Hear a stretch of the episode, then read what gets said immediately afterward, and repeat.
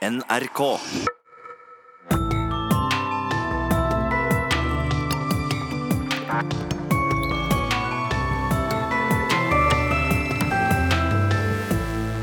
Den norske stat er grunnlagt på territoriet til to folk nordmenn og samer. Samisk historie er tett flettet sammen med norsk historie. I dag må vi beklage den urett den norske stat tidligere har påført det samiske folk gjennom en hard fornorskningspolitikk. Dette er kong Harald sin epokegjørende unnskyldning ved åpninga av Sametinget i 1997. På vegne av nasjonen Norge ga han det samiske folk en uforbeholden unnskyldning for den urett Norge påførte samene gjennom den hardhendte og systematiske fornorskningspolitikken som varte i nærmere 150 år fra tidlig på 1800-tallet frem til vår tid. Denne uretten som ble begått mot uh, samer, ble også begått mot kvener og norskfinner, og den skal nå granskes.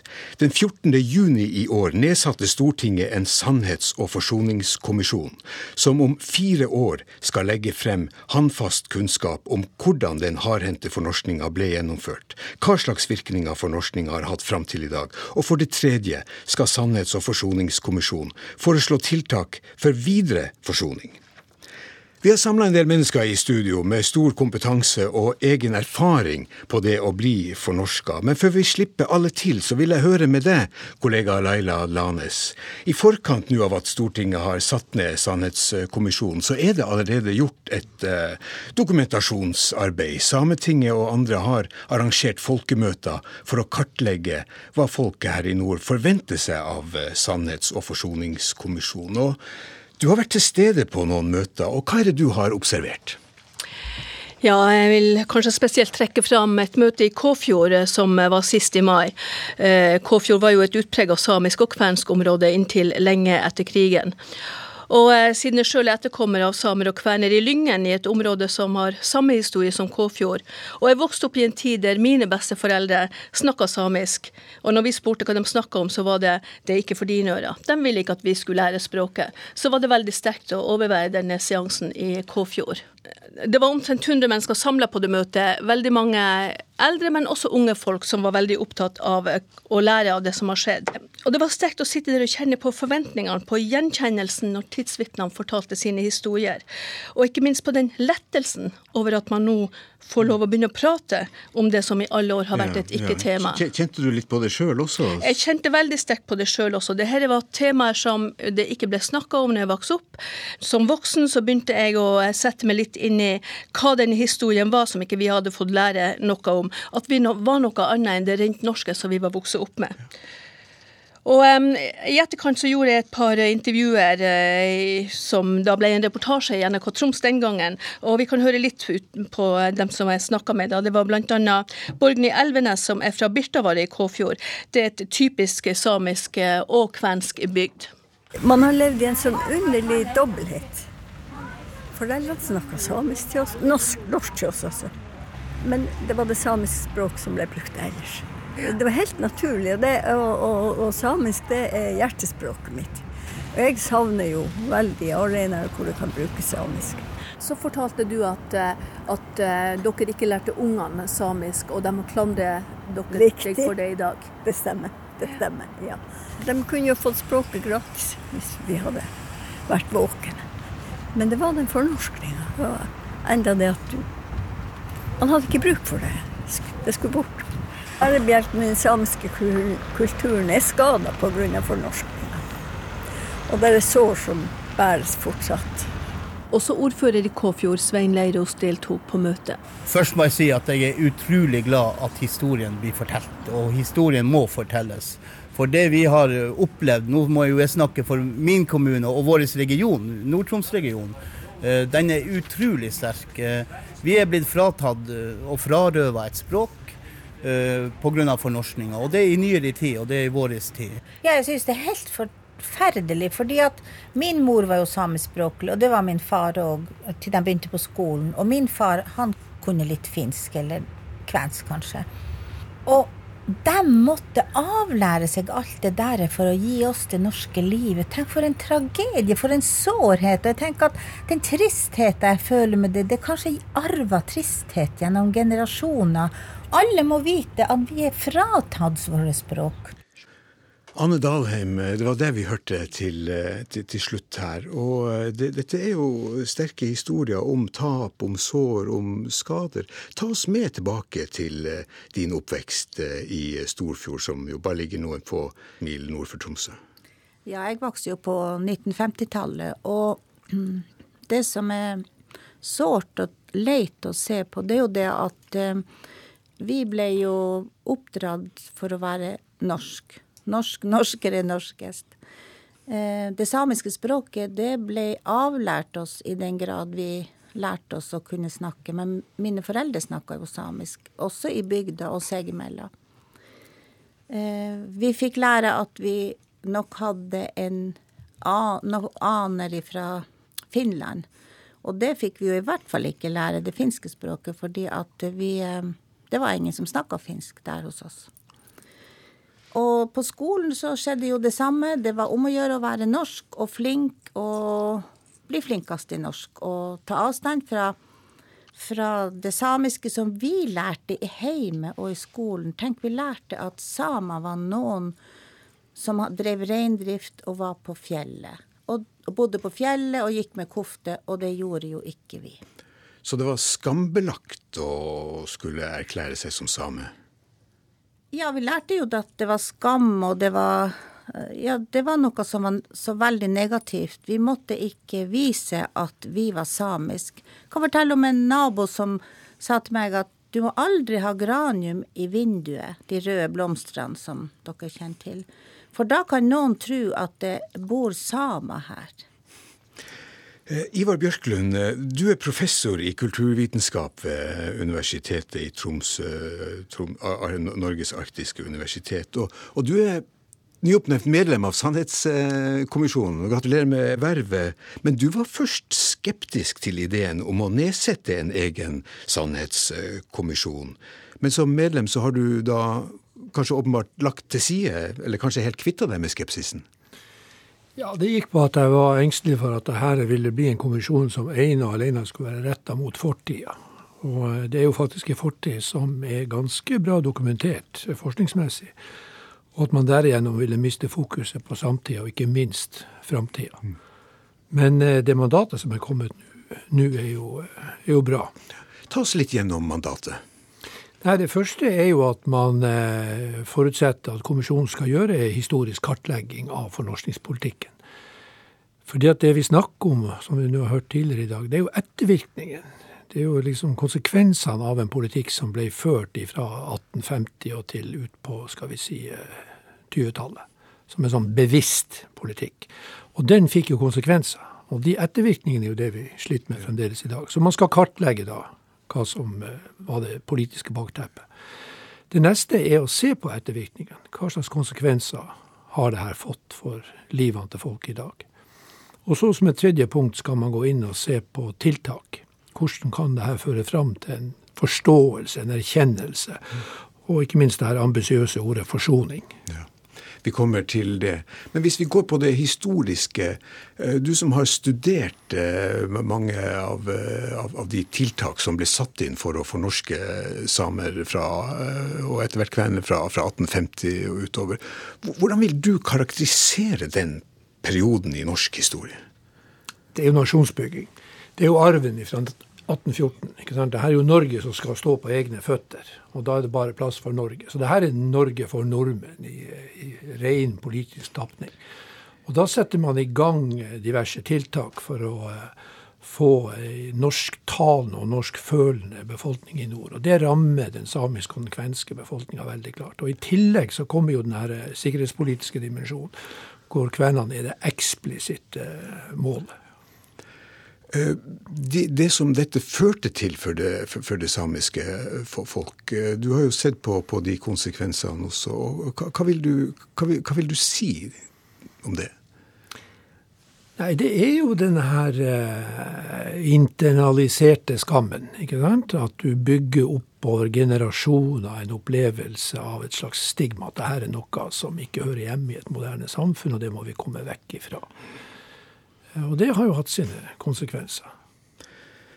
Eh, før vi går videre, så, så, så tar vi en kort runde med, med alle i studio om nødvendigheten av Sannhetskommisjonen. og Eh, Aili Keskitalo, du er sametingspresident, og, og, du, og, du, har jo ditt virke over hele Sápmi. Og nå er du med oss på linje fra, fra Kiruna.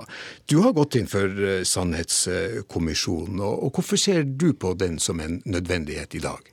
Ja, eh, jeg har jo registrert de her debattene om at vi må legge fortida bak oss og se framover.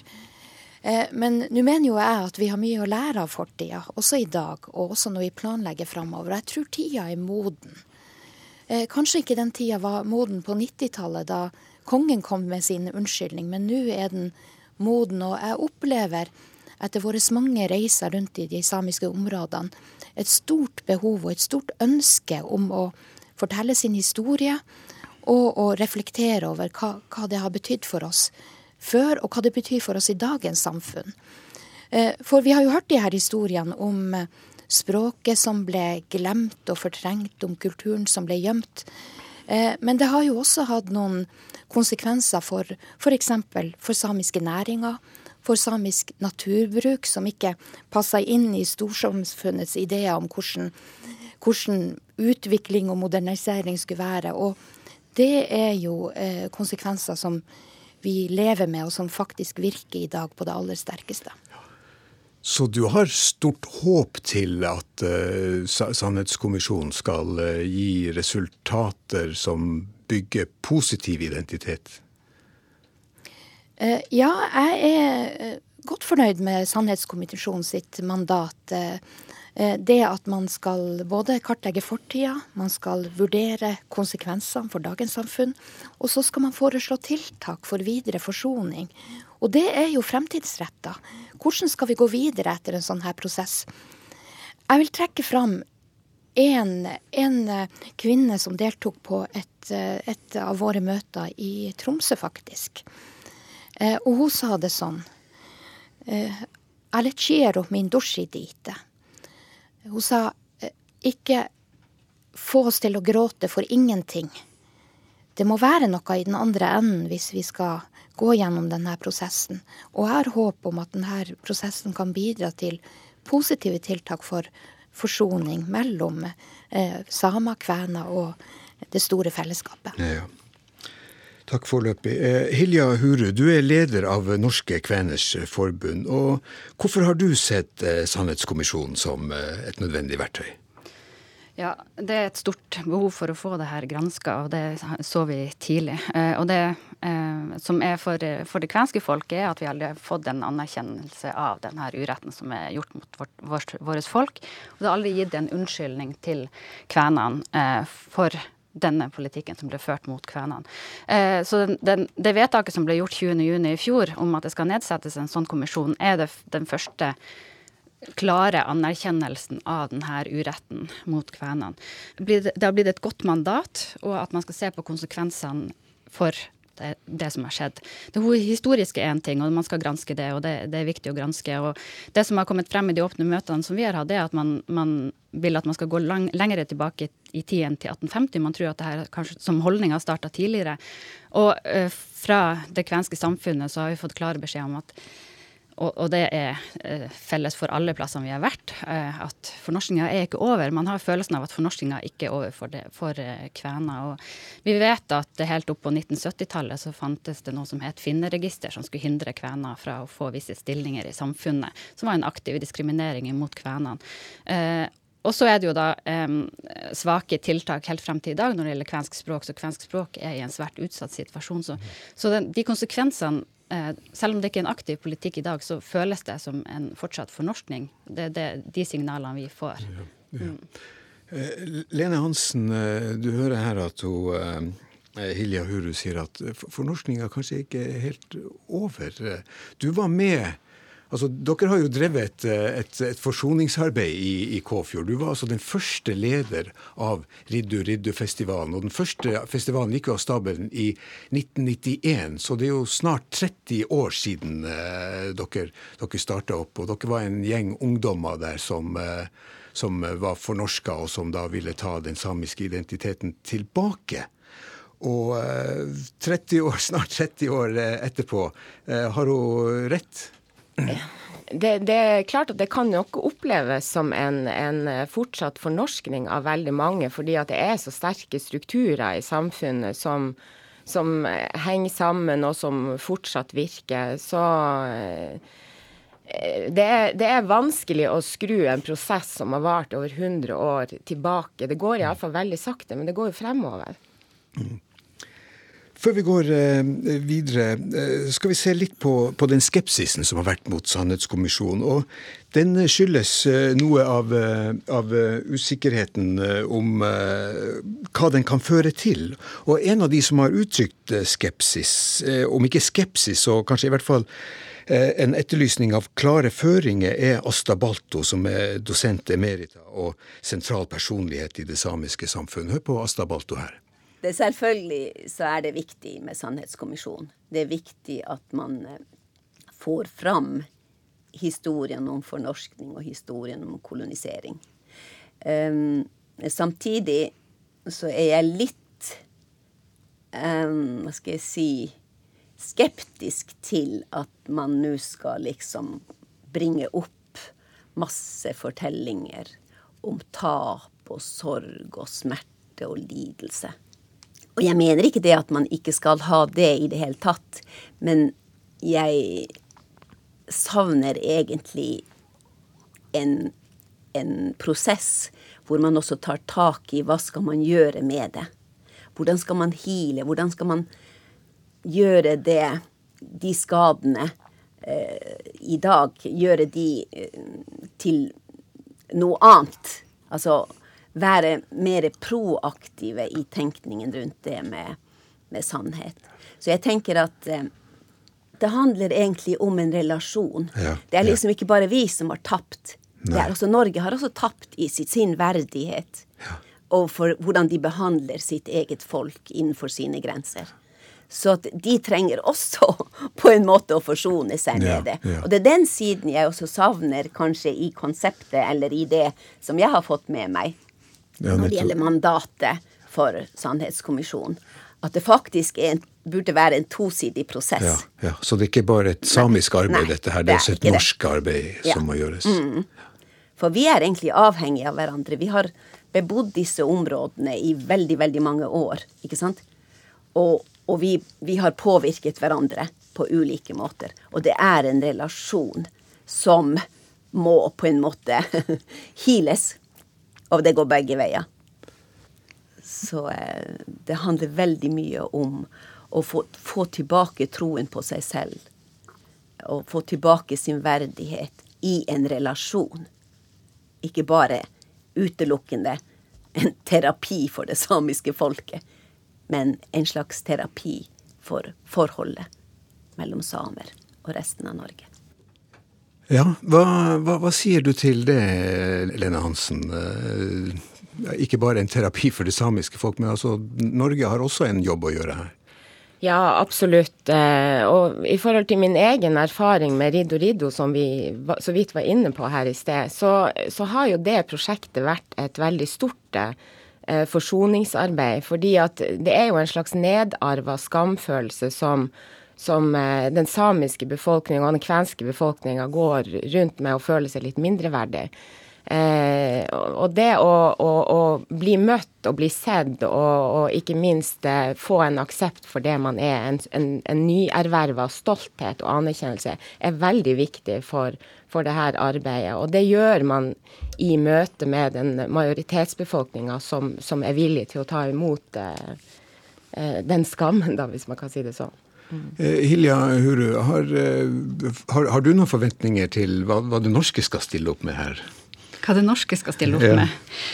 Ja, en viktig del av denne prosessen er eh, kunnskap ut i hele samfunnet om det som har skjedd, og at majoritetsbefolkninga skjønner den store uretten, og hva sår det har satt hos samer og kvener.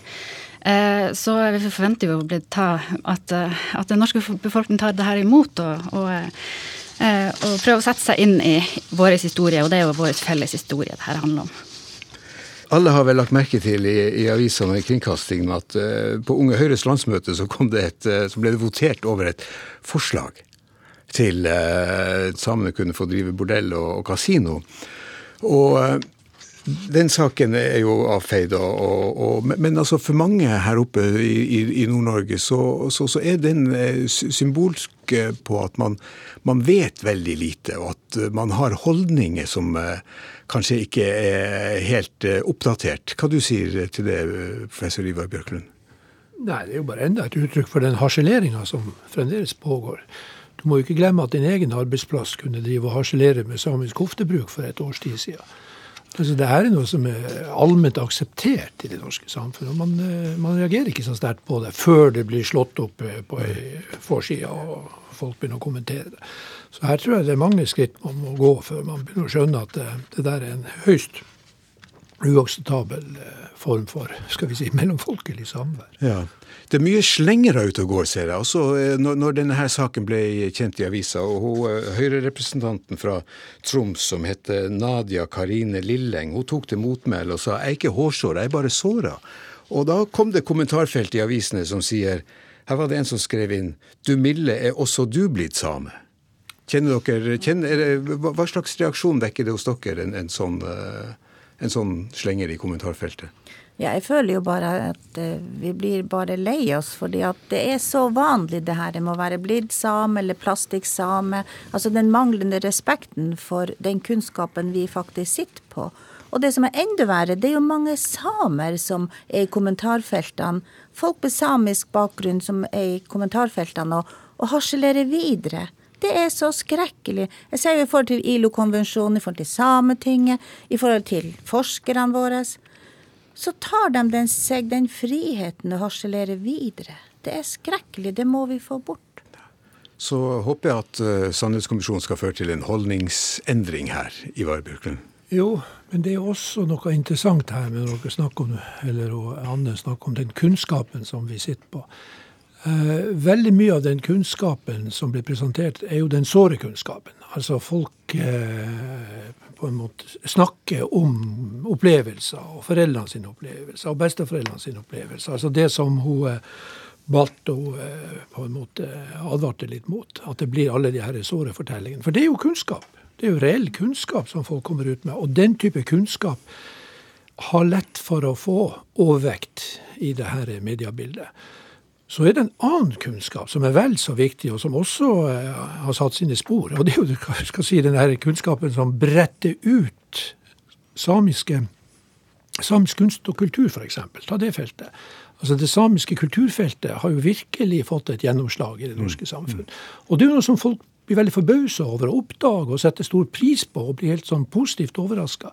Og den type kunnskap er jo veldig viktig motvekt mot den herre stigmakunnskapen som går på hvor feltet har vært.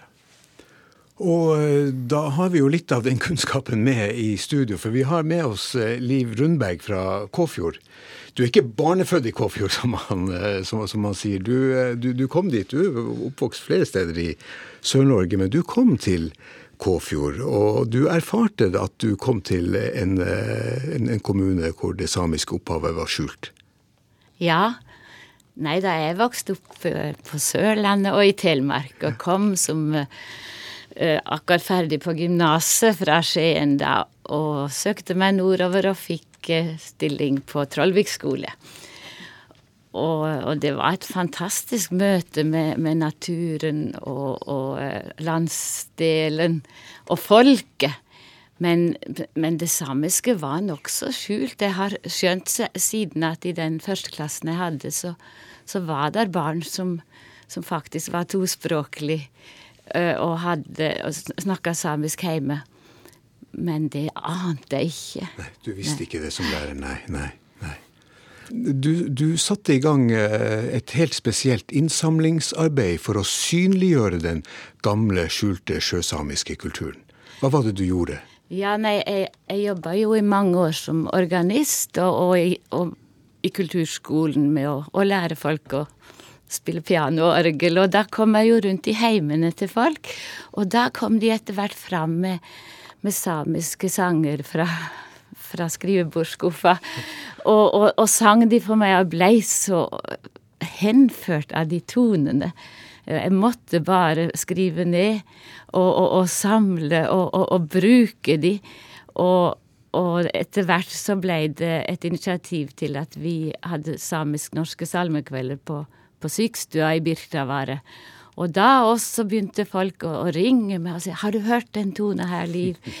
og, og, jeg lærte de og sang de ned. Nei, og skrev de ned. Men når jeg skulle synge samisk, så var det jo som en apekatt. Jeg kunne bare uttale litt. Så det ga meg veldig lyst til å lære det språket. Veldig flotte samiske språket.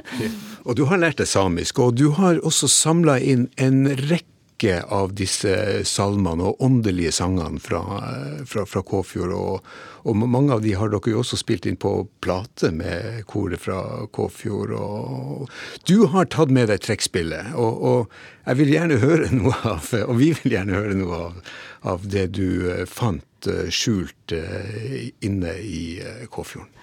Ja, det, det, var jo særlig Kasper Elvenes, postmannen, som vi har hørt Borgny her, kona hans, og, og han eh, lærte meg mange sanger. Blant annet denne her eh, som jeg skal synge nå, Kristosa vjeljatja opp at Kristi brødre og søstre.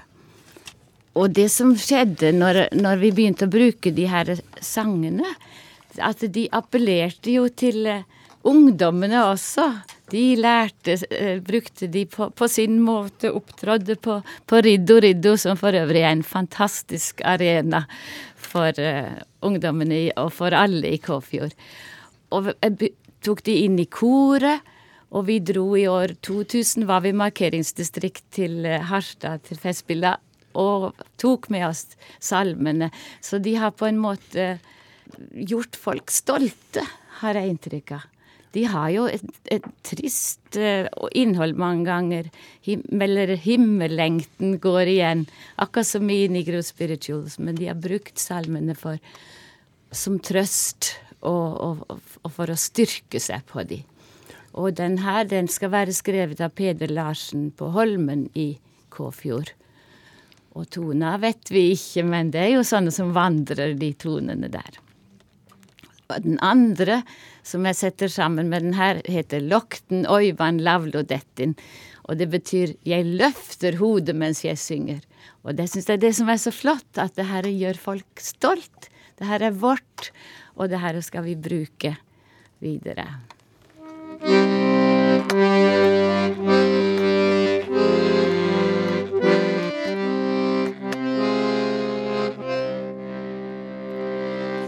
Kristus av eljat ja oppat, leket alborg dorvus. Farkan oka suadia jag farka son viecia sidi. Госпе, забетът война. Jara vi siste illudir Vara irgadet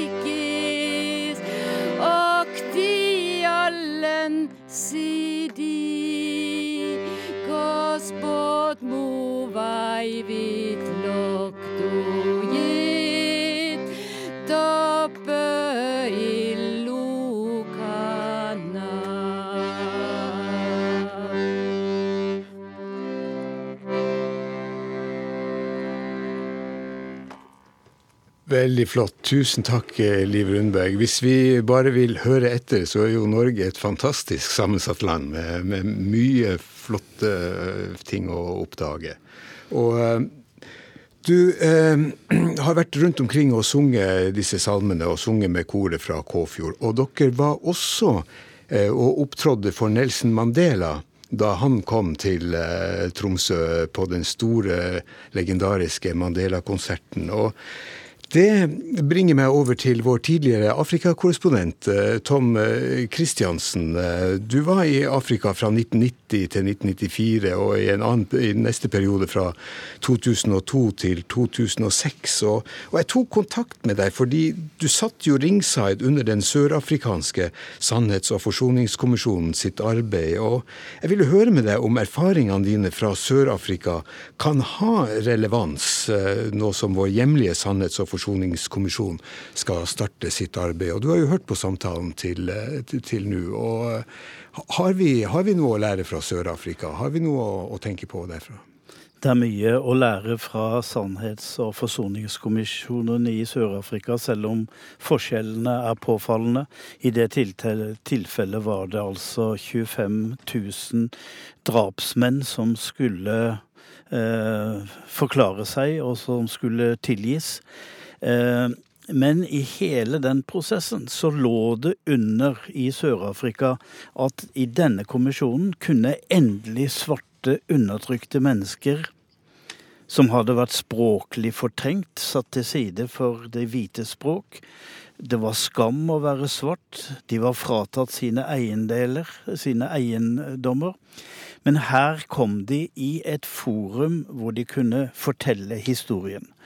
Eh, I tre år satt sørafrikanere foran radio og TV og leste aviser om hva som foregikk i Sannhetskommisjonen.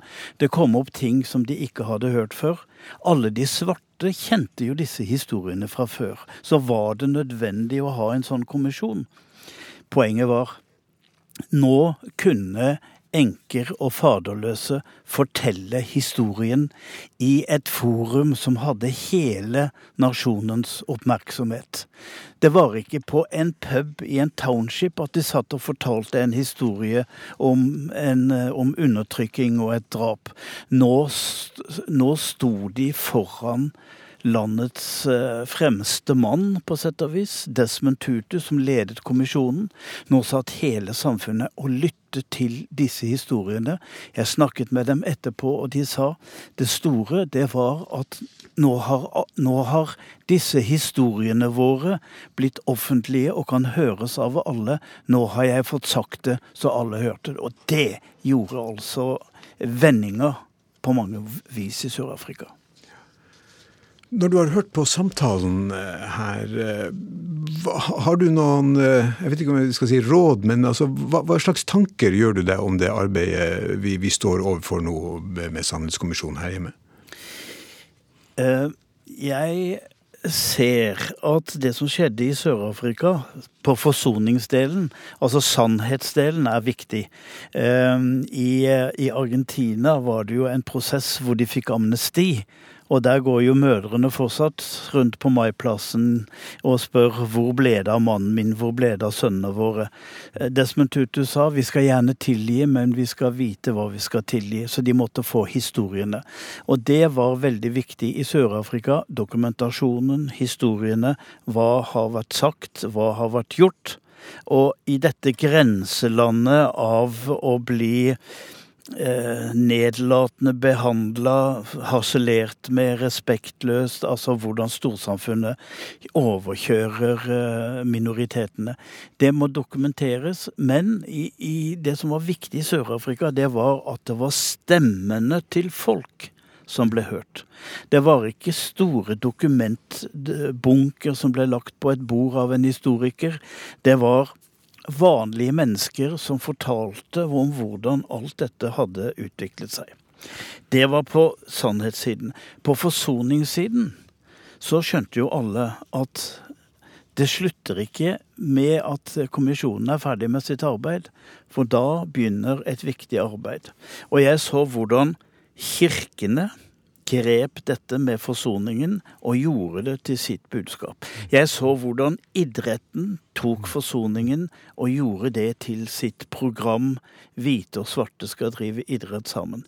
Jeg så hvordan næringslivet grep fatt i forsoningen og hentet i sin ledelsesfilosofi tanker fra den svarte måten å leve sammen på, storfamilien, ubuntu-filosofien og sånne ting. Og jeg så også hvordan eh, ungdomskulturen la forskjellene til side, og så grep han altså det nye, eh, som ikke var en slags nedlatende blikk på 'stakkars dere svarte, hvordan dere har hatt det', men altså vi er felles. Snakk hvilket språk du vil, men lær meg hva det er du forsøker å fortelle. Riddo Riddo er et aldeles strålende eksempel. Jeg så nå når du snakka, Tom, at uh, Anne Dalheim nikka her. Du nikka gjenkjennende til, uh, til, dette med at folk selv må få komme fram med, med, med sine historier. At det, det, folkelige i Sannhetskommisjonen må ta vare, tas vare på, slik at ikke det, dette her blir til seminarrapporter for forskere. Det er det som er, det er, det som er poenget. At det må være åpne høringer. Alle må få Jeg regner med at NRK skal overføre alt dette, hvis ikke så vet jeg ikke hvor jeg jobber hen. Eh, det skal være sånn at alle skal få høre det, alle skal få vite det, alle skal se det, alle skal oppleve det. Det er altså et, et fellesskap rundt dette i de områdene det dreier seg om, i nord, i Norge, som felles må oppleve dette. Og det som gjør inntrykk, er ikke bunken med dokumenter, men det er altså den personen som forteller. I Sør-Afrika var det kvinner som fortalte. Kvinner som gråt, kvinner som skrek, enker som ropte på rettferdighet. Eh, og der var det altså noen som kunne da be om tilgivelse. Det er jo ikke sånn i, i, i disse sammenhenger. Men eh, blir dette riktig, så blir det en kommisjon som vil preges av tårer. Og de mest hånlige i Sør-Afrika, de kalte jo Sannhetskommisjonen der nede for Kleenex-kommisjonen. Ja, det var mye papirhåndklær. Ja. Eh, Anne, Anne, Dalheim, du, du nikka gjenkjennende til mye av det som Tom Kristiansen her sa. Ja, det er veldig sammenlignbart, egentlig, selv om det er fra to, to så vidt forskjellige kontinent.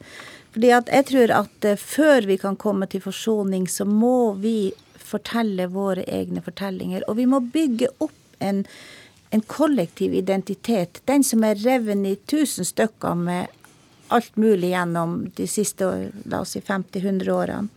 Min yngste datter, som jo er riktig voksen, hun bruker å si at vi som ikke måtte bære skammen, har et ansvar for å bære stoltheten. Og det er så veldig sant, fordi at min oppvekst og, og min identitet er veldig hemma eller knuga av ja, fortielse, taushet og fornektelse. Og når jeg hører på liv Jeg må også si at jeg er så glad for at mine barnebarn de er helt fri på det her. Ja, de bruker kofte eller ikke kofte. De er norsk, de er samisk. De, de, de er fri? Ja, de er fri, fordi at de har ikke den knug, knuginga som, som, jeg kanskje ikke har. Og så må jeg enda si at når, når Liv sang så vakkert, og hører de sangene, og det er jo til å bringe oss fram til tårer, for det er jo vår barndom. Men hva lærte jeg på skolen og i kirka? at våre foreldre og våres, altså den læstadianske menigheten var så dårlig å synge. De, altså Lærerne og organistene flirte av at ja, når de orgelet var kommet til slutten, så var læstadianerne bare halvt i sangen. Fordi at vi, har, vi synger sakte, vi synger vakkert, vi synger sånn som Liv visste oss. Sånn lærte vi oss. På alle felt så var vi ikke gode nok. De historiene må dokumenteres. Jeg har så stor forventning til Sannhetskommisjonen for å få det fram. Lene Hansen, du nikker også gjenkjennende til Tom Christiansen sa? Ja, absolutt. Altså, selv om historien i Sør-Afrika nødvendigvis ikke er sammenlignbar her, eh, det, det, må jeg påpeke. Jeg vil også si at det, det er vi har jo også i Norge drevet et slags forsoningsarbeid, egentlig kanskje fra 80-tallet, ved å opprette eh, opprettelse av samiske institusjoner som Sametinget. Same, sameloven er kommet på plass, og ikke minst bygging av samiske kulturinstitusjoner. Og det er jo, det er jo, det er jo de som i praksis gjør det, det, nære forsoningsarbeidet i et lokalsamfunn, sånn som Riddo har vært trukket fram her nå. Eh, og, og, det er veldig viktig å understreke. Og jeg har lyst til å utfordre egentlig alle norske institusjoner til å også ta ansvar i det her forsoningssamtalen. For det, det interessante er jo hvordan blir den offentlige samtalen rundt det her? Hva kommer ut av det her? Hva, blir det bare en utredning som legges i en, en skuff? For det, det, er så svære, komplekse problemstillinger at vi har verken penger eller menneskelige ressurser til å gjøre noe med det. Jeg er, jeg er litt sånn avventa, avmålt i, i, forhold til denne eh, kommisjonens arbeid. Men jeg tror det som kan komme ut av det, er en mye større offentlig samtale. Hvis man klarer å utfordre alle de store institusjonene, både som NRK og media, eh, utdanningsinstitusjoner, idretten, altså eh, kulturlivet. At, at, alle på en måte tar tak i det her og tenker hvordan skal vi, eh, hva skal vårt bidrag være inn i det her. Aili Keskitalo, har du sett for deg eh, stor offentlighet, sånn som eh, Tom Christiansen foreslår, med, med overføringer på, på NRK og, og, og sånt? Jeg skjønner jo at det ville vært et bidrag til opplysning om saken, og, og, og hva den har kosta eh, både, både, oss som samer, som kvener, som, som nordmenn. Eh, men vi skal jo også tenke på at eh, det er ikke alle som ønsker å fortelle sine historier i full offentlighet. Det har i hvert fall Sametinget opplevd i forhold til de folkemøtene og prosessene vi har kjørt. Det har vært mennesker som har bedt om og for å kunne fortelle sin historie én eh, til én.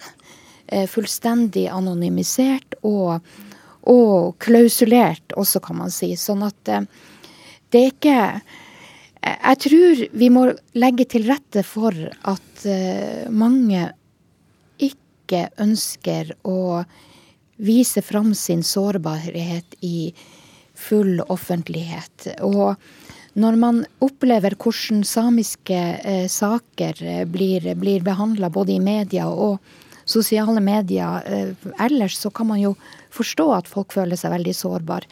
Du nevnte sjøl denne saken fra Unge Høyre-landsmøtet. Eh, det er jo noe å, å liksom kunne skulle fortelle om sin historie og sine opplevelser, og legge seg helt åpen for hugg for eh, og blir beskyldt for, for eh, kanskje det ene og det andre. Eh, jeg syns at eh, mediedebatten og sosiale medier om samiske forhold, det, det kan være tøft å håndtere. Og det er jo ikke noe som tilhører fortida. Det er dagen vi lever i dag.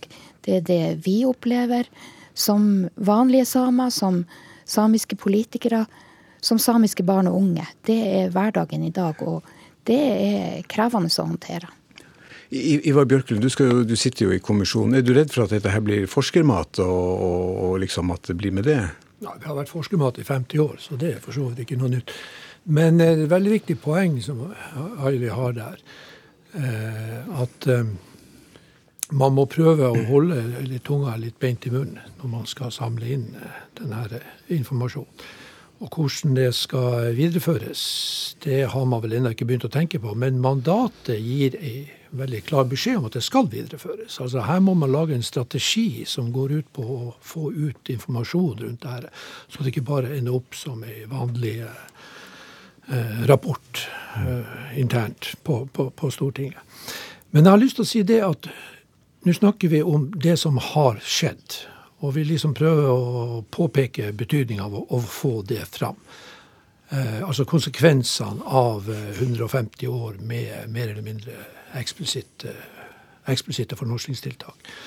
Men jeg vil jo også be dere om å tenke på det, det forhold at fornorskningspolitikken den har fått andre former. Altså Det som skjedde tidligere, var jo at man tok helt klart gjennom skoleverket først og fremst, tok sikte på å fjerne språket og få samer og kvener inn i det norske mangfoldet.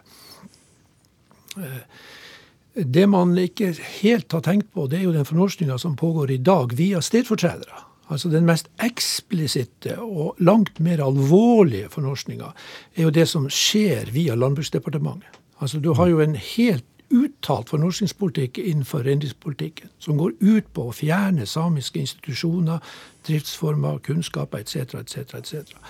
Men den får lov å leve som næringspolitikk. Og det er ingen som har satt etiketten eh, fornorskningspolitikk på det som skjer. Og det tror jeg også er en oppgave som man bør begynne å tenke litt over. Programleder, ja, kan jeg få bare nevne en liten ting. I Sannhets- og forsoningskommisjonen i Sør-Afrika var det en del afrikanske ledere, svarte ledere, som så at nå må ikke resultatet av dette bli etter å ha fått all denne forferdelighet på bordet, at folk skal synes synd på oss. Altså at vi skal fortsette egentlig som noen stakkarer. Nei, nå skal vi stå opp for oss sjøl og vise at vi, vi er noe.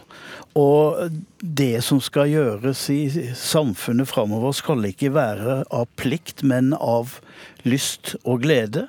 Det skal altså lønne seg å, å, vise sin identitet. Og de som på en måte skal stå for dette, det er jo ikke godt voksne folk. Det er jo ungdommen, altså, som må finne sin måte å uttrykke sin humor om egen etnisitet og andres etnisitet, hvis det er overhodet morsomt.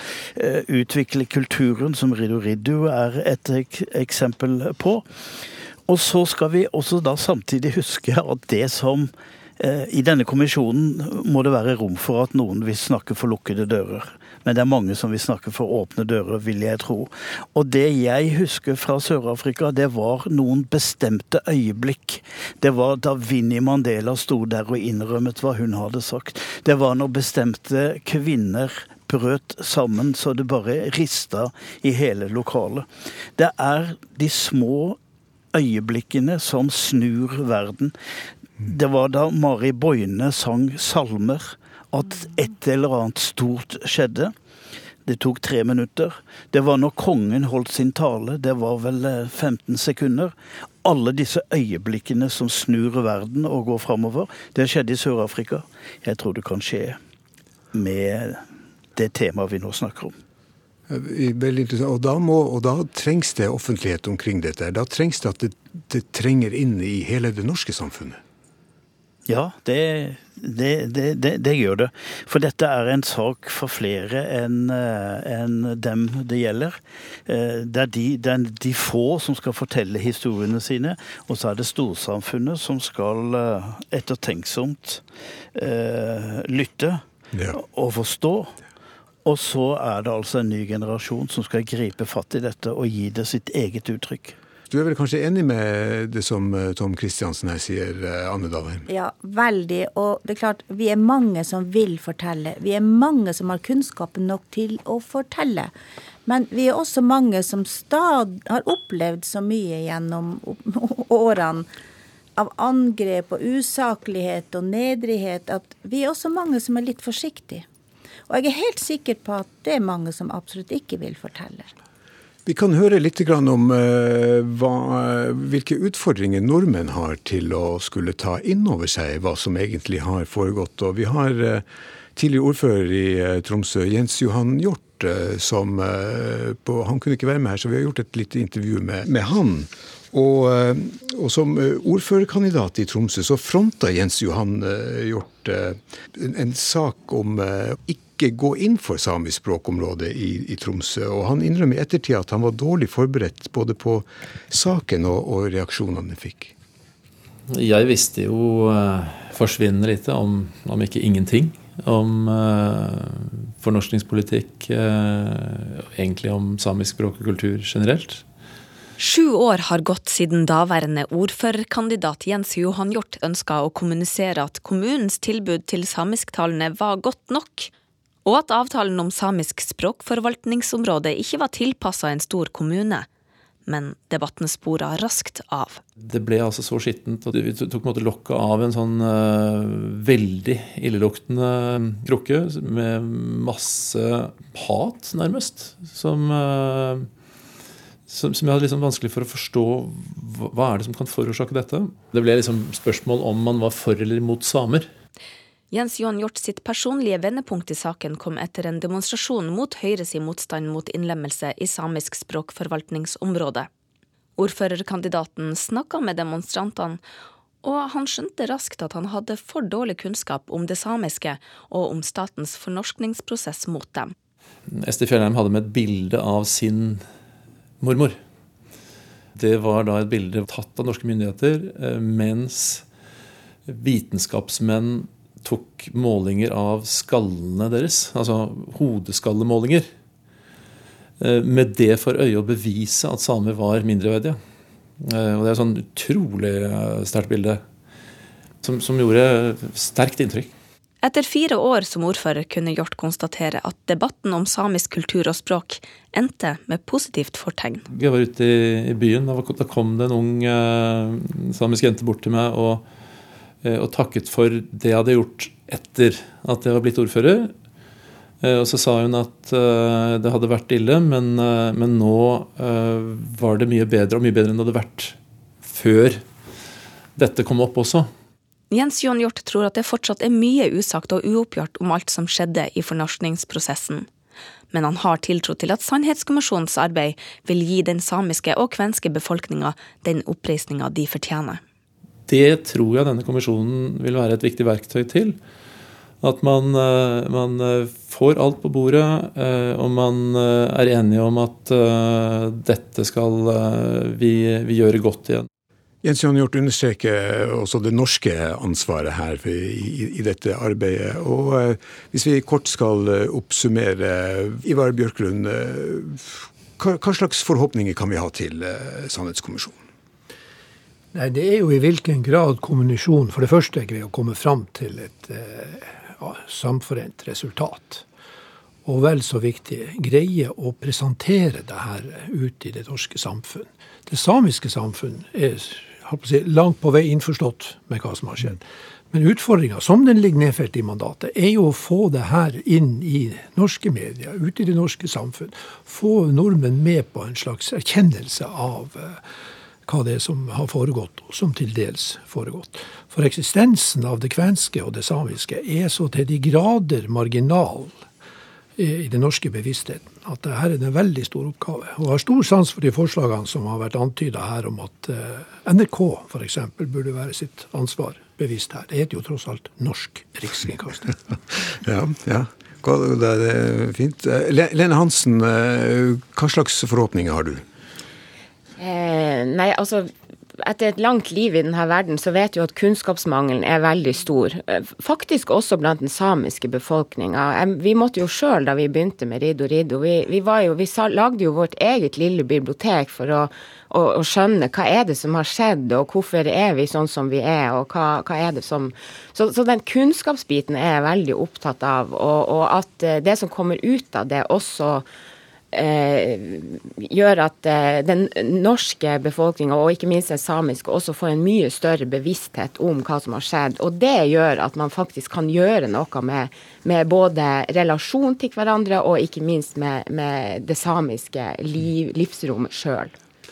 Tom Kristiansen, eh, hva slags forhåpninger vil du ha til Sannhetskommisjonen?